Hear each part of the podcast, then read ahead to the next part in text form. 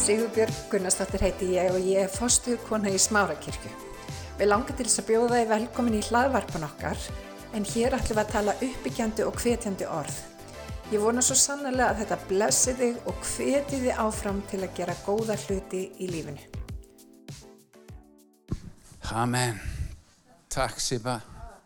Takk hérna þið sem leitu lágjörðina. Amen. Það eitt þrá ég og ég er búin að grenja meiri hlutan þess að sangum bara yfir því. Ég þrá að sjá fegur Guðs. Ég þrá að sjá meiri ofnbjörn á honum. Og uh, það er nýtt tímabill. Það er nýtt tími. Og það er, það er sem sagt opin heiminn og það er vitjuna tími Guðs. Og við verum að gera eitthvað í því. Halleluja. Því að áður en að Jésu kemur tilbaka þá tekur hann inn stóra uppskeru og við viljum vera með í þessu. Þeir sem hafa dreyist aftur úr og, og sopnað og, og hafa verið sem sagt fallið við veginn, margir af þeim mun vera reistur upp aftur. En enn en fleiri munu koma bara nýjir feskirinn á veginn. Og því að þetta er á hjarta Guðs. Amen. Og þetta verður svona staðista vakningssögunar og þetta verður postulasagan á styrum halleluja.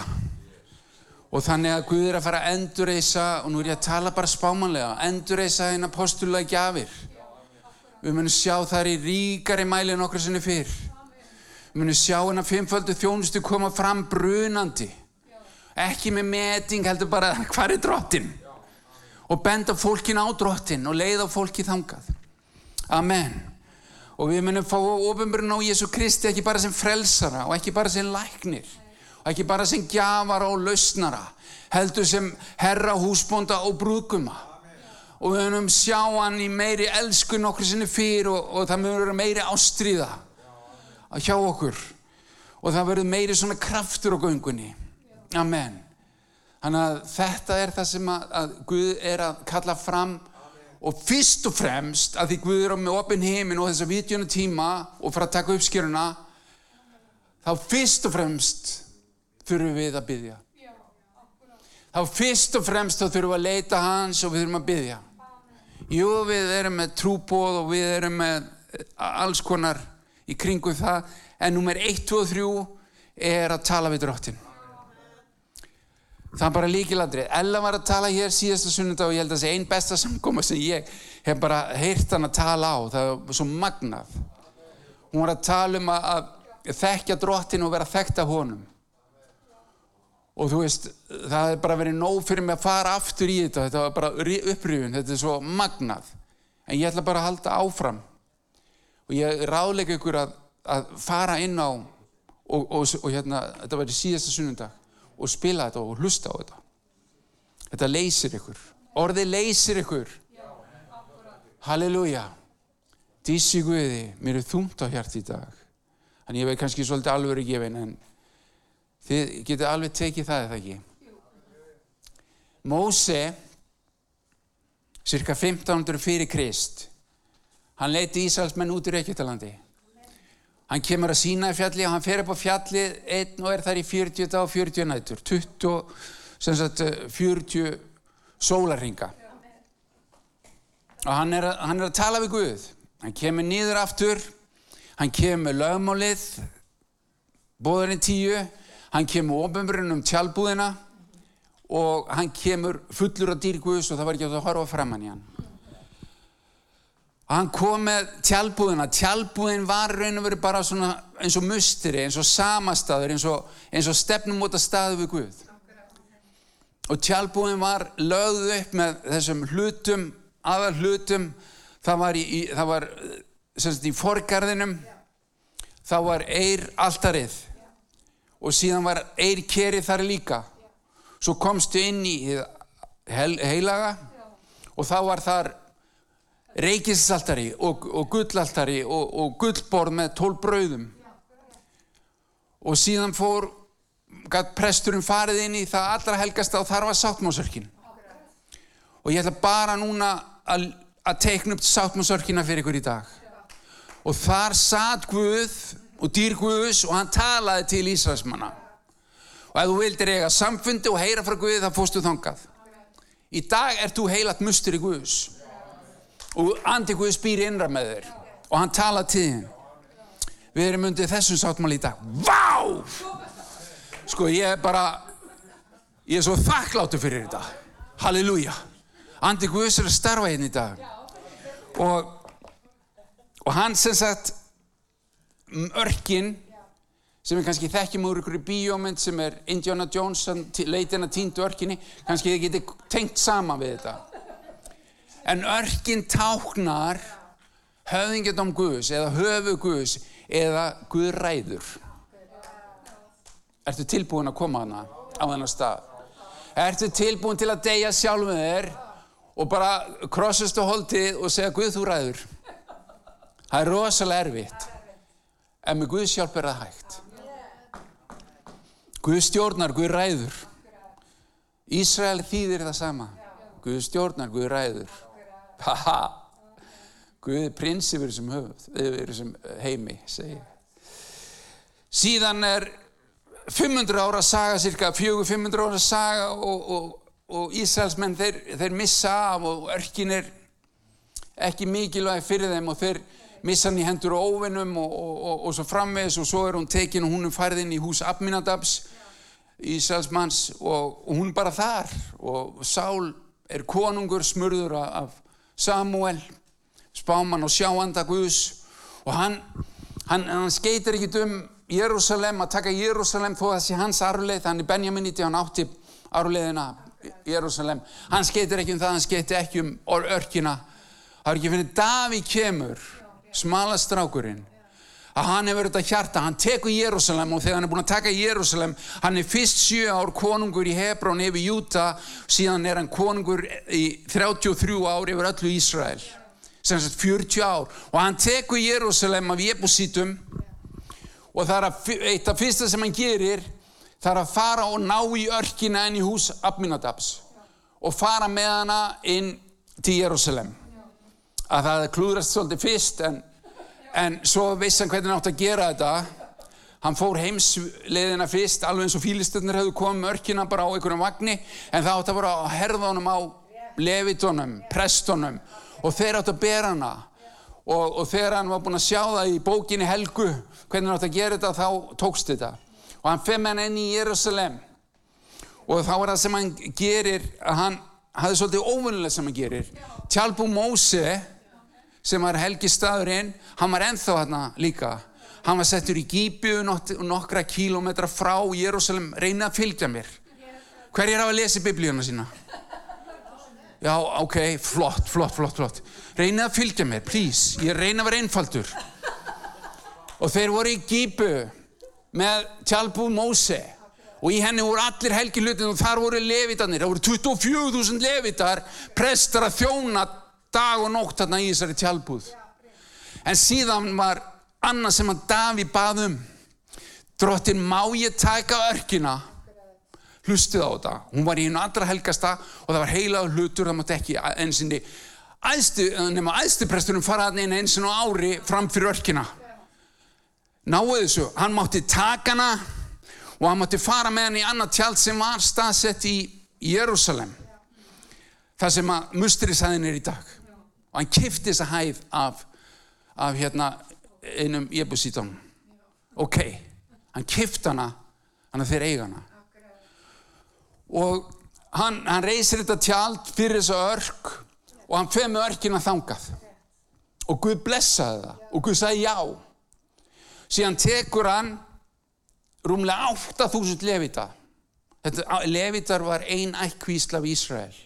Voru, voru 12 ættkvíslir svo þið séum við þetta alveg á hreinu Júta, Ísakar, Sebulon Dan, Assir og Naftali Rúben, Gad og Simeon og Jósef, munið til honum og Benjamin og Levi. Þeir voru 12 og Levi var það hlutskipti sem þeir fengu þeir eru prestanir að þjóna sem andlir prestar. Og hann setti yfir 8000 levita í þjónustu í tjálbúð Davís það sem örkin var. Og það voru fjögur þúsund lofgjörðarsveinar og fjögur þúsund hliðverðir 288 söngvarar. Og þeir voru sem sagt skipt þessi söngvarar voru 12 í hverju setti og þeir voru vakti, vaktir alla sólaringin dum, dum, 24 vaktir. Náðu þessu. Og þeir voru allir á launum og það var, uh, tók svo verilega í ríkiskassan í Ísrael á þeim tíma að herin var mögland og kvartandi yfir að þeir fengu lítið. Og með þessi Absalon sonur Davís hann náðu uppreysnin út á þetta meðal annars. En það er hann að sagja, ég er ekki að fara í það. En þessi drengir þeir voru dag og nótt frammi fyrir örkin að lofa drottin. Var lofsöngu dag og nótt í spámanlegu flæði. Og þeir voru á, á fimm hljófærum og það var lúðurinn hotnið og það var gíjan og það var harpan. Og það var málgjöllin. Og síðan var fymta hljóðfærið. Það var röddinn, það var uppáhalds hljóðfæri Guðs. Það voru söngvararnir. Halleluja og hvað gerðu þeir spáðu á þessi, þessi hljóðfæri? Þeir spáðu frammi fyrir Guði. Halleluja. Þannig að þið sjáu að þetta var þetta var magnað hvernig þetta var dag og nótt. Og þeir voru þarna henni andliðu feður Asaf, Híman og Jetutún alveg út á túnni þetta er alltaf í hug þegar Jetutún var út á túnni hann var, hann var þegar hann var að lofa Guð það var hendur og fætur hann var, hann var brjálaður sko. En hann var andliðu fadir allir hans sinir voru hliðverðir. Og hann, hann var andluðu fadir og þessir allir þessi þrýr þeir voru ekki bara spámenn þeir voru sjáendur. Og þegar við sjáum í Ísrael það voru margi spámenn en það voru mjög fái sjáendur. Og nú fylgið mér, hlustið á mig spámennin heyrðu orð frá Guði og þeir komið með innblástur til þjóðarinnar orð frá Guði. Sjáendurnir þeir sáu opnað og lokaða sín. Þeir sáu stundum í andanum sínum sín eða þeir sáu bara sín eins og ég sé Guðmund og, og Sippu og fleiri. Og það sem að gera í munin þarna milli að, að þeir sem eru spámenn þeir fá innblásið orð frá Guði og sem er magnað og við, okkur finnst líka frábært að fá orð frá Guði. En þeir sem eru sjáendur þeir hafðu meira vald í andan út af hverju? Vegna þess að þegar þeir sáu inn í, í Guðsriki þegar þeir sáu þetta andlega og þeir sáu hvað Guð ætlar að gera þá gáttu þeir haft áhrif. Þeir gáttu tekið eins og þetta væri svona bænið þeirra var eins og sankumlag þetta skal verða. Þetta skal vera list fram. Náu þessu. Vá, sjája nú er komið tími til að við verðum alvöru kristinn, skilur við hættum þessu leikaraskap. Við erum, við erum búin að vera allt og lengi í sangkassanum og á bleiunni, skilur við og þannig að við sem sjáendur þegar við förum á þennan stað þá höfum við vald til að breyta hlutunum. Aha. Þannig að úrra bahæja tísikuði Salmur 27 og vers 4 eins ef ég beði drottin og það eitt þrá ég að ég fá að dveljast í húsi drottins alla æfitaða mína til þess að horfa á indisleik drottins og leita svara í mustur hans. Þarna er Davíð að tala og það er bara eitt sem að þráir. Og þetta eitt sem að þráir, að það er ég að fá að dveljast, það er raun og verið að fá að setjast nýður og, og þeia, bara vera hljóður fram fyrir Guði. Það þýðir þetta orð. Og að ég fá að horfa á indisleik drottins. Og að horfa er þetta sama orði ég var að tala um, vera sjáandi eða það er samstofna við áriði sjáandi. Þannig að þú horfir á Guð í spámalegum anda. Aha. Áður en ég er búið með þessa pretungum þá skiljið þetta betur. Ok? Þannig að ekki fara á taugum og þið skiljið ekki allt strax svona. Það meira, það meira atrið að þið skiljið þetta inn í andikar. Dróttin reynsaði skilningaveit okkar. Dróttin reynsaði líka maður sála and og öll skilningaveit og augun okkar sérstaklega dróttin að við sjáum og, og eiru okkar að við heyrum drottin halleluja Þannig að við horfum á drottin í spámalega manda, við förum í andan til að sjá hann. Og þetta orð indisleik, þetta er raun og veru fegurð, þetta er raun og veru karatir, þetta er raun og veru sagt, þokki og, og, og hérna bara, þú veist, þegar við hittum ykkur að persónu, skiljiði, þá, þá er það þá er bara stundum, býtu, vá, hvað þessi persónu er mögnu, hún hefur svo mögnu árið, fylgir henni svo mikið karisma og, og hún, hún er svo næs og og gott að tala við hana og það er bara, mér bara líður vel að spjalla við viðkomandi. Hafið þið fundið þetta? Þetta er bara, þetta er bara stundu svona og þannig er drottin. Ef við hittum hann, þá er það bara, ég vil hitta hann aftur. Það kemur svona, ég vil hitta hann aftur. Ég veit að sumir hafa hitt hann, sko, virkilega bara séðan. Personlega. Og þeir eru bara, þetta vil ég að það gerist aftur. Amen. Þannig að Davíð hafði, hafði fengið þetta og hann var gjössanlega bara gegntökin af þessu. Þetta er að eina skipti máli. Og hvað haldið að við gæst þegar Davíð sittur í gang lofgjur dag og nótt og hann er bara hugfangin af þessu, ég vil bara sjá drottin, ég vil bara vera að þetta spámala flæði sé í gangi. Flesti spámen og sjáandur nefndir í biblíinu voru á dögum Davís. Flestir, langt flestir. Halleluja, það eru nýju spámen og sjáandur sem nefndir á nafn og þeir eru langt flestir á hans dögum. Þetta er svo magnað og það reysir upp Ísrael sem, að, sem heimsveldi skiljiði og talaði við gýðinga í dag. Hvenna voru þínir bestu tímar ykkar gýðinga þegar Daví var uppi þegar Salomon var uppi. Þá var lofgjur dag og nótt. Líka hjá Salomon í musturinu ok. Þannig að til þess að sjá postulusöguna á styrum mm -hmm, þá þurfum við að byrja á því að stoppa. Hætta þessu heimslega ruggli stoppa. Hvað er þetta stattur og setjast niður og horfa á fegur Guðs. Það skiptir öllu máli. Ef við horfum á Guð og við fyrir að sjá með þessu spámanlegum augum þá getum við haft vald til að breyta hlutunum. Amen. Hvað gerðu postularnir og lærisunum 120 þegar Jésu var farinni til himna? Þeir fór í lofstofun og þeir byðu og þeir föstu, föstuðu og þeir báðu og þeir vantu þess að kemur fyrirheit og síðan tíu dögum setna að þá kemur nýja vínið þeir einblýta á Guð. Halleluja. Og þeir var ekki með fyrirfram myndaða skoðun. Þetta mun koma svona. Þeir voru, voru ekkert svo leiðis þeir vissu það ekki. Hann að við í dag hendum þessum skoðunum bara út um gluggan sko. Guð ætlar að gera eitthvað nýtt. Halleluja og hann getur ekki blanda þessi gömlu þú veist, þú sett nýtt vín á gamla belgi, skiljiði við þurfum að vera tilbúin til þess að vera nýji belgir sem eru mótanlegir. Amen. Og það segir hérna í postulasagan ég er aðeins að tjekka klukkunni já, uh, postulasagan 15 eftir þetta mun ég koma aftur og endur reysa henn á föllinu tjálpu Davís ég mun reysa hann úr rústum og gera hann upp aftur svo að mennitin sem eftir eru leiti drottins og allir heiðingjarnir sem nafnmitt eru helga, segir drottin, sem gera þetta kunnut frá eilíð. Og, en, og sko, tjálbú Davís var bara lofgjör bæn og, og bæn dag og nótt. Það er ekkit annað. Og ef það verður endurreist, þá, hérna, og, og þá mun, mun fólk fara að frelsast.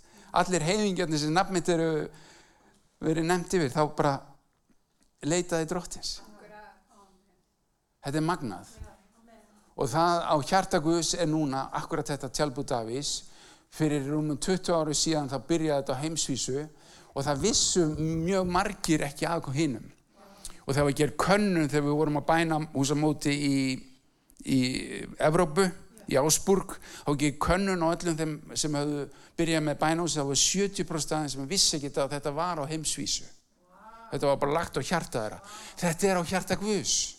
Guð er að kalla þetta fram og þetta verður aldrei verið svona áður á heimsísu þetta verður verið stapundið eins og í Ísrael í, í, þegar Daví var og svo framvegis en núna er þetta á heimsísu að því það verður undirbúið eitthvað. Amen.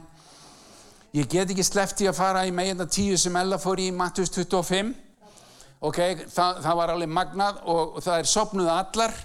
Tók, tók eftir því og það, verð, það eru eins og það er engin aðskilnaður og það er engin greining á þeim hver, hver er hvað fyrir en það er búið að rópa sjá brúkum í kemur. Er, er byrjað þetta kvísl eða er byrjað þetta róp sjá brúkum í kemur. Það kom orguð frá Guði hér áðan og ég tek undir það. Þetta eru tímannir það er opin heiminn og það er vitjuna tími Guðs og nú er tími til þess að vakna. Amen. Og uh, þannig að fimm áttu þessa olju það er áttu hennar leinda fjássjóð en það er fengu oljuna með því að kaupa hana. Og við þurfum að kaupa oljuna á bænastæðnum í bæninni. Og að fara í bænina er ekki eitthvað svona oft skemmtilegt. Það stundum bara átt til að berjast í gegn þannig að nærvera Guðs kemur niður. Og stundum þarf maður að býða dágóðan tíma þannig að maður best í gegn. Skiljiði mig þetta er ekki bara eitthvað svona já, þetta bara þetta vera auðvelt, nei, það er ekki svo leys en það sem er gott við þetta að orguðs hefur lofað okkur að það veri meiri smörning, bænasmörning á endatímanum. Og það finnst mér alveg magnað. Það verða fleiri sem byggja og það verður lift með. Þegar Jésu fór í Getsemanni það síðasta sem hann gerði ára var handtekinn þá fór hann í Getsemanni að berjast í gegn og byggja byggja um að hann geti klára verkið. Getsemanni þýðir ólíupressa og þaðan kemur ólían akkurat á þessum stað. Lærisennarnir sem voru með honum þau sopnuð allir. Og þannig að ekki fara í fyrir, fyrirdæmingu eða skömm hvað þú hefur verið lélegur eða lélega byggja þú veist sjáðu hvernig lærisennarnir voru. Byggðu Guðum kraft til þess að byggja meira. Amen þannig að ekki horfa á kringustöður ekki horfa á hvað ég er ómölugur þú veist eða við erum ómöluleg heldur horfðu á hann. Það leysir þig. Horfðu á hann. Hættum að horfa á þetta janniska þannig að hvað opnar auð okkar? Ég er búin að tala svolítið um þetta og þetta eru svona megin atrið er átt atrið, ég ætla ekki að þau öll. Það er að snúa sér til fyrsta kjallega tár, yðrunar og þakklættis, það er lofgjörðin það er brauðsbrotningin, það er fastan það er heila leikin, það er andi spátumskánar og það er að byggja í andan ok, ég ætla, ekki, ég ætla bara rétt að fara hérna í, í hérna það sem ég ætla að taka hérna bara örlítið er uh, fyrsta lagi að snúa sér við þurfum að snúa okkur til þess að sjá hann. Ok? Við ætlum að fara í óbyrnabókina blessaði með að voru að syngja hérna Revelation. Óbyrnabókin 1.3 Sælli sá er les þessi spátumsorð og sælir eru þeir sem heyra þau. Heyra og varveita það sem í þeim er ritað því að tímin er í námt það er les, heyra og varveita það er þreföld blessun þarna. Sælli sá er les þessi spátumsorð Amen. Þannig að, að þreföld blessun að varveita spátumsorð endatímana og þetta er ekki ofinbjörn Jóhannesar pressi þó að við kennum oft við hann, hann færi þess að ofinbjörn þetta þetta er fyrst og fremst ofinbjörn Jésu Krist sem er gefin sem sagt, í gegnum Jóhannes og í fyrsta kaplanum þá sjáum við að Jóhannes er inn í Patmos, hann er í útlegð vegna þess að hann var uh, sem sagt já vegna þess að hann hafði verið með að bóða orguðs og, og um Jésu Krist. Og það í tíundavessi segir ég var hrifin í anda á drottinstegi og heyrða baki með rausmikla sem lúður gilli. Og hann var í andanum og hann heyri röttina baki sér og þá segir hérna í tóltavessi ég snýri mig við til að sjá hvers raust það væri sem við með talaði. Og er ég snýri mig við sá ég sjö gull ljósastykkur og millum ljósastykkana einhvern líkan mannsinni kladdan skósíðum kirtli og gullbelti var spennt um bringu hans. Höfu hans og hár var kvítt eins og eins og hvít ull eins og mjöll. Augu hans eins og eldslögi og hann snýri sig við hann snýri sig við til að sjá Jésu og við þurfum að snú okkur við Og hvað þýðir þetta fyrir okkur í dag? Þetta þýðir raun og veru að yðrast. Þetta þýðir raun og veru að koma til blóð lamsins. Þetta þýðir raun og veru að snúa sig við er að fara aftur til upphafsins. eh, til fyrsta kjallegans og þá munum auð okkar opnast þá munum við fá að sjá hann í nýju ljósi við fáum opumbrun við erum tilbúinir til þess að afnita holdinu og deyja holdinu. Gráta og yðrast Amen. Og að vaksa í Guði við ekki öll vaksa í Guði? Það er ekki það að gera meira eða reyna meira heldur að horfa á Jésu meira. Þú vex við að horfa á Jésu skilur þau þú, þú getur ekki breytið sjálfur það er eina bara komin í nærveri hans og horfa hann og bara ús, meðtaka. Þetta er svo magnað að það var ágið til orð. Við verðum nefnilega það sem við horfum á. Og uh, svo vöxturinn eða umbreytingakrafturinn hann kemur bara með því að horfa á Jésu Krist. Við viljum líkjast honum. Og ef við horfum stöðut á Jésu sama hvað gengur á þá munum við standa stöðug og klára gönguna. Sjá hvernig hann var hann kláraði allt til enda. Hann gafst aldrei upp. Hann, hugfa, hann hug, let aldrei hugfallast. Amen. Þannig að horfum á hann. Hvernig lítur hann út? Hafið pælt í þessu þegar að byggja þráttu hvernig lítur út? Sko hann, andlitið hans er eins og sólinn auðu hans eru fulla kjallega en samt fulla af eldi og hann, hann snertir okkur með þessum eldi og við verðum bara ásjúk við fáum að sjá hann bara eitt augna blik rödd hans hún er svo nýðu margra vatna. Það er bara eins og margi fossar eða brím ægilegt brím í sjónum. Út á munni hans gengur tvíækja sverð og það er beitt sem reynsar okkur, sem helgar okkur sem sker í burtu það sem á ekki að vera á okkur. Og hann mun koma tilbaka á hvítum hesti sem konungu konunga og drottin drottna. Og hann mun stoppa þetta röggl hérna og hann mun ríkja og hann mun ráða og stoppsita réttlæti. Og mér er það svo magnað þegar heyra að ég veitna mjög ofti í ljóðaljóðan það er svolítið, það er svolítið mér kært. Brúðurinn í ljóðaljóðanum þegar hún er að vaksa hún er að þroskast. Og þegar hún fer í gegnum fyrstu fjórukablana þá er það bara hann að segja eitthvað rosalega fallit um hana. Og hún er bara svona já hann að gefa mér og gefa mér skilur og ég er bara þarna skilur upp og haldi hann sko svo eftir fymtakablana þá þá kemur hann að tótt. Og missir af honum að því hann byður hann um að, þjó, um að þjóna í fyrsta skiptið í fymtakablanum og, og hún er ekki alveg tilbúin að hlaupa á stað og missir af honum og þarf að fara að leita á honum og, og, og sýstur hennar Jérúsalem dætur, svo kallar sem eru nefndar hérna hvað hefur unnusti þín fram yfir aðra unnusta fyrst að þú lætur svona. Og það enda með því að hún kveikir í þeim. Skilur hún, hún fyrir að lýsa honum. Og í fymtakablanum fyrir hún að lýsa honum. Og lýsingin er bara wow, því að lesa þetta skilur þetta er svolítið myndrænt að vísu í, í þessu en, en betra kannski að lesa þetta í óperubúkinni en, en ok. En þá hérna fyrst lýsir hún fegur brúkum hans og hún er alveg, hún er komin á nýjan stað. Hún er búin að sjá hann í nýju ljósi. Halleluja, hún sleppur honum ekki. Og hún heldur fast í hann hún, hún kvílir alveg hon, í honum. Amen ok, fyrst aðri var að snúa sér yðrast og, og annað aðri voru tárin. Ég hef svolítið talað mikið um það líka. Og í salmi 56 og nýjunda vessi þú hefur talið hratninga mína safna táru mínum í sjóð þinn, þau eru rítið í bók þína. Skilju, tárin sem þú fellur fyrir drottin? Ég er ekki að tala um vorkunatár, ég er að tala um þakklæti og yðrunur og, og, hérna, og þrá eftir honum. Og hann bara tekur þau og sapnar þeim í sjóð. Og og þau eru rítum með þessi í bók þína. Amen. Tárin eru mikilvæg.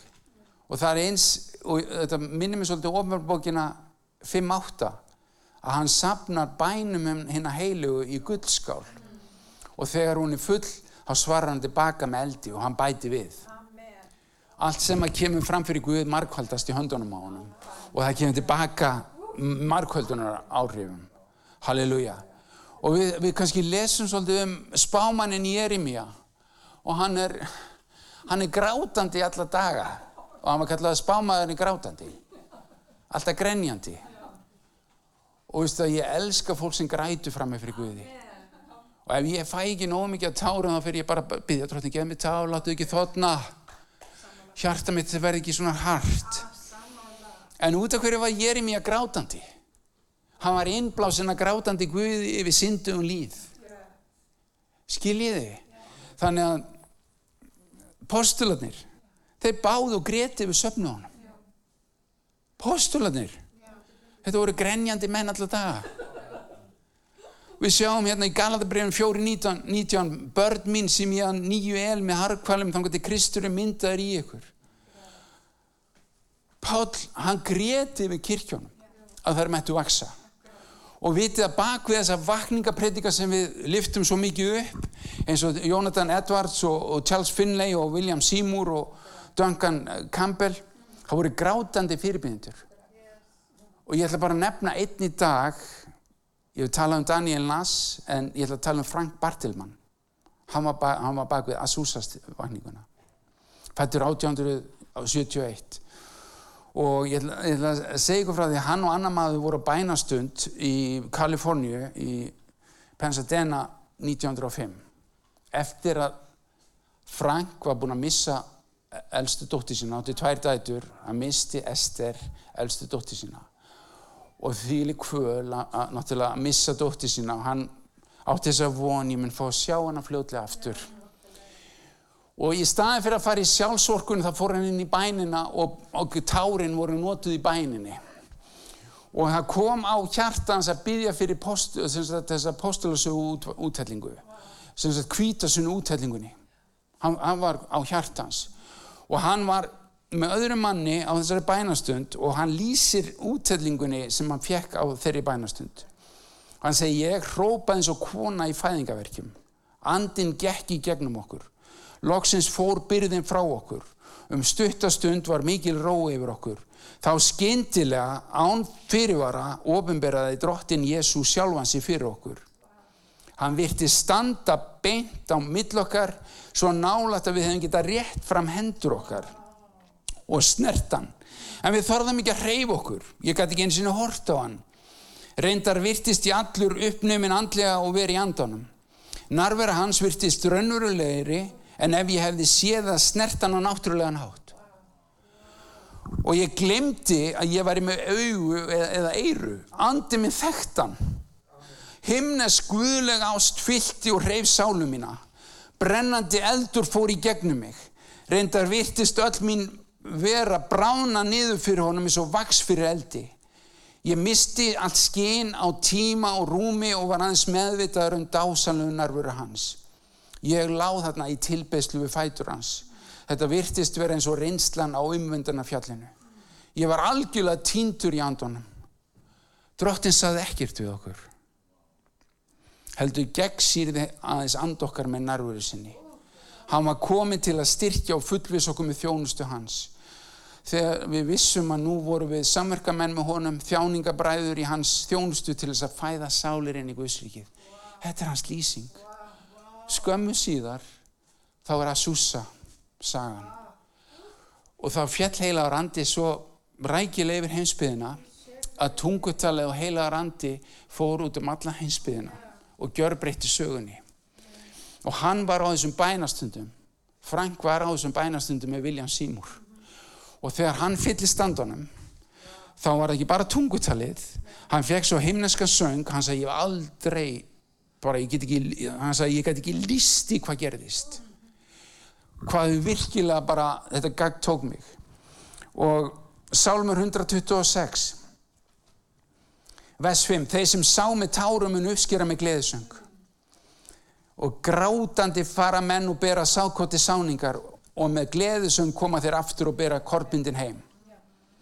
Og tárið þau byrja oft frá okkur um missið eða bitur í reynslu. Og, en ef við horfum á hann þá er þessi tár sáning. Þá áður við vitum að þá eru uppskjara þannig að tárin eru mikilvæg. Þau eru svo mikilvæg, þessi þakklætistár, þessi yðrunatár, þessi bænatár, þessi þrá eftir honum. Þessi auðmygtar og brotin andi og þessi tár sem að flæða með því, þau opna dýr heimisins. Hlustið á mig. Þetta er svo mikilvægt. Og þau reynsa burt blindu heimsandans og þennan anda sem er, er gjössanlega að taka yfir. Og þau gefa uppskjur og þau gefa gleði og þau bæta andluðu sjónuna við sjáum hann. Hann er grátt, grátum. Þú sem grætur, haldt áfram að gráta. Þú sem er, ert ekki að gráta, byttu Guðum að gefa þið tár. Amen. Þegar hjálpræðisirinn sendi trúbóð til Los Angeles um 1900 svipaleiti, þá voru þeir í þrjú ár á agrinum, hana í Los Angeles, að reyna að berjast á þessum harðagri og það gekk ekki neitt. Og þeir voru búin að reyna og reyna alls konar strategíu, svona trúbóð, svona, þú veist, uh, súpu, eldús og hvað sem er, skiluru, og það var bara harður agur. Og eftir þrjú ár, þá var þessi hópu sem var hana orðin bara von lítill og sendi neyðaskeiti til William Booth. William Booth stopnaði hjálpræðisirinn. Og það komið tvö orð tilbaka í skeiti frá William Booth. Reynið tár. Púsjahæja. Og þeir fóru að gráta og þeir fóru að byggja. Og þrem árum setna þá bríst þessi vakning út. Þeir voru hluti af þessu. Halleluja. Hanna upphafið á vakningun í kirkjun eru tár og tungutal og bæna neyð. Og það er að horfa hann. Tár eru bara fljótandi bæni, skiljuru. Og við þurfum bænatárin. Síðan er það lofkjörinn sem, er, sem opnar auð okkar fyrir, fyrir Guði. Ég veit ekki hvað oft ég sé hann koma þegar ég er í lofkjörinni. Bara, þetta höfum við svo mörg reynd. Ef þið líður illa, farða að lofa drottin. Hætta fókusur á vandamálið og hvað þú ert í miklum skýt, skilur. Farða bara að sjá hvað er hann, lofaði hann. Halleluja. Og í Lúkas 11, að þá var það þannig að lærisennandi þeir báðu Jésu um að, það eina sem þeir báðu hann um að kenna sér, kenda okkur að byggja. Og þeir báðu ekki um að kenda okkur að predika, kenda okkur að lækna eða, veist, þetta eða hitt, kenda okkur að byggja. Við viljum bæna lífið þitt, Jésu og ég vildi ég væri þannig að ykkur myndi vilja bæna lífið mitt. Hugsið ykkur skiljið ef við værum, ef við værum öll þar hvað myndum við gera? Og hann kendi þeim faðivorið og faðivorið er ekki fyrst og fremst bænalisti. Það byrja bara faðivor þú sem ert á himnum og byrja að lifta um nafninu. Byrja að lofgjörðin helgist þitt nafn og síðan bara tilkomið þitt ríki. Verði þinn viljið svo jörðu sem á himni. Jú, svo kemur jú. Gef oss í dag vort dagleg brauð. Og fyrirgef oss voru skuldir. Já og, og náttúrulega eins og við fyrirgefum vorum skuldir nautum það kemur á eftir. En bænalistinn stundu þurfum við bara að henda honum frá sko. Og vera án forms. Halleluja það er ekki fyrst og fremst bæn bænin er staður Takk eftir þessu. Bænin er staður. Hún er samband við personu. Hún er samtal. Hún er tenging við þið himnaska. Halleluja. Og sleppa þessu jarneska. Við e- erum ekki orðin þreytt á þessu jarneska. Erum ekki orðin þreytt á þessum vandamálum. Þetta fer að lagast með næstu ríkistjórn. Trúið því? Að verða kostningar að lagast með næstu ríkistjón það lagast ekkert. Hann er í andan nei, það lagast ekki með því. Og, og, og, og ert ekki bara þreytur að tala um þín vandamál og fókusur á þín vandamál? Kontu bara frá því. Kontu út úr skömminni. Kontu frá syndinni. Aðskildu þið frá heiminum farðu inn í þetta heimneska og ég, veistu það Bæn er að koma inn í hásætti salgvus framfyrir hásætti hans. Bæn er tenging á hjarta við hjarta. Bæn er, eins og kom inn hérna aðan, hún er ekki formleg, hún er bara andadartu Guðs. Halleluja. Bara farði í andan Og bæn er að koma andlega til gessimanni. Leif ólíun að flæða. Berjast í gegn. Það má vera smá svona söpulegt og erfitt. Kaup ólíu. Bæn er eiga stefnumót. Við brúkum hann, við allra mesta skapara heimis og jarðar. Halleluja. Og bæn er að horfa á fegur Jésu Krist. Þetta er fyrst og fannst þetta. Amen. Já, þrjára mínútur eftir. Og ég ætla að nota þér hérna. Í síðasta partin, bæn í andanum. Það er hún sem opnar heiminin og við sjáum inn í Guðsríkið. Mm -hmm. Í óperabókinu fjórðakabla þá er Jóhannes í fyrsta vesi, eftir þetta sá ég og sjá. Þá sá hann eitthvað. Hann var í spámanlegu flæði.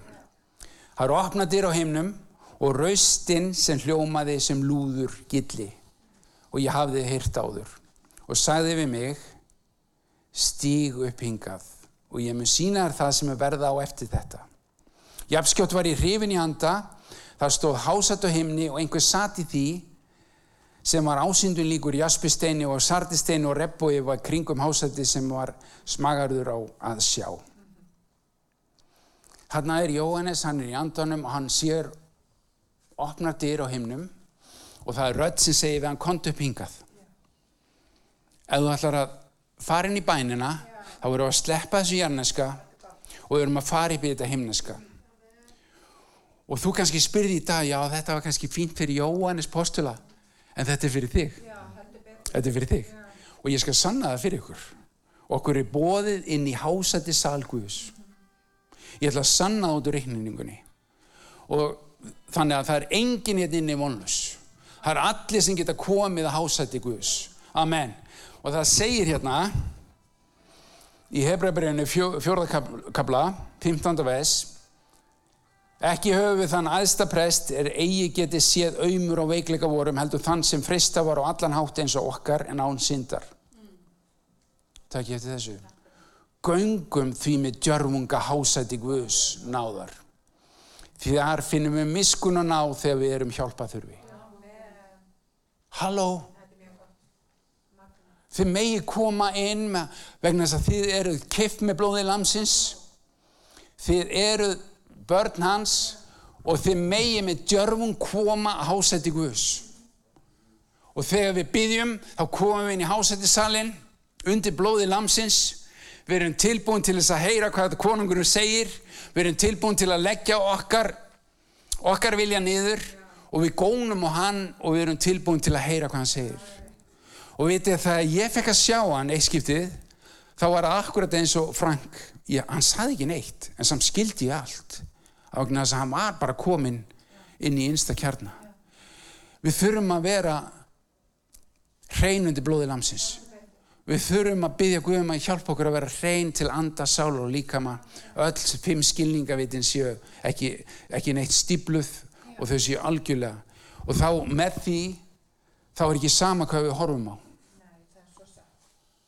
og hvað við erum að hlusta á. Gerum sáttmála við augum okkar eins og Jobb gerði. Gerum sáttmála við augum okkar. Þetta er eitthvað sem að drottin hefur verið að knýja á ennþá meira en nokkru sinni fyrr hjá mér til dæmis. Gerum sáttmála við augum okkar. Þetta er stæðsta skilningavitið og við viljum ekki menga skilningavit okkar af einhverjum djöflum. Við viljum ekki taka móti sórunum sem er í gangi. Amen. Við viljum helga okkur. Við viljum sjá hann. Og ég á þessa ástriðu með alveg bara eins og samnefnari með Davíð. Ég vil sjá hann. Ég vil sjá fegurð hans. Amen. Ég vil ekki missa þessari vitjun. Amen. Halleluja. Við skulum standa og fætur og